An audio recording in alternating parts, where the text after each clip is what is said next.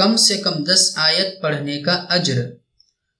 عن ابي هريره رضي الله تعالى عنه قال قال رسول الله صلى الله عليه وسلم، من قرع عشر آيات في ليلة لم يكتب من الغافلين رواه الحاكم وقال صحيح على شرط مسلمين حضرت ابو حریرہ رضی اللہ تعالیٰ عنہ نے حضور اختم صلی اللہ علیہ وسلم سے نقل کیا ہے کہ جو شخص دس آیتوں کی تلاوت کسی رات میں کرے وہ اس رات میں غافلین سے شمار نہیں ہوگا۔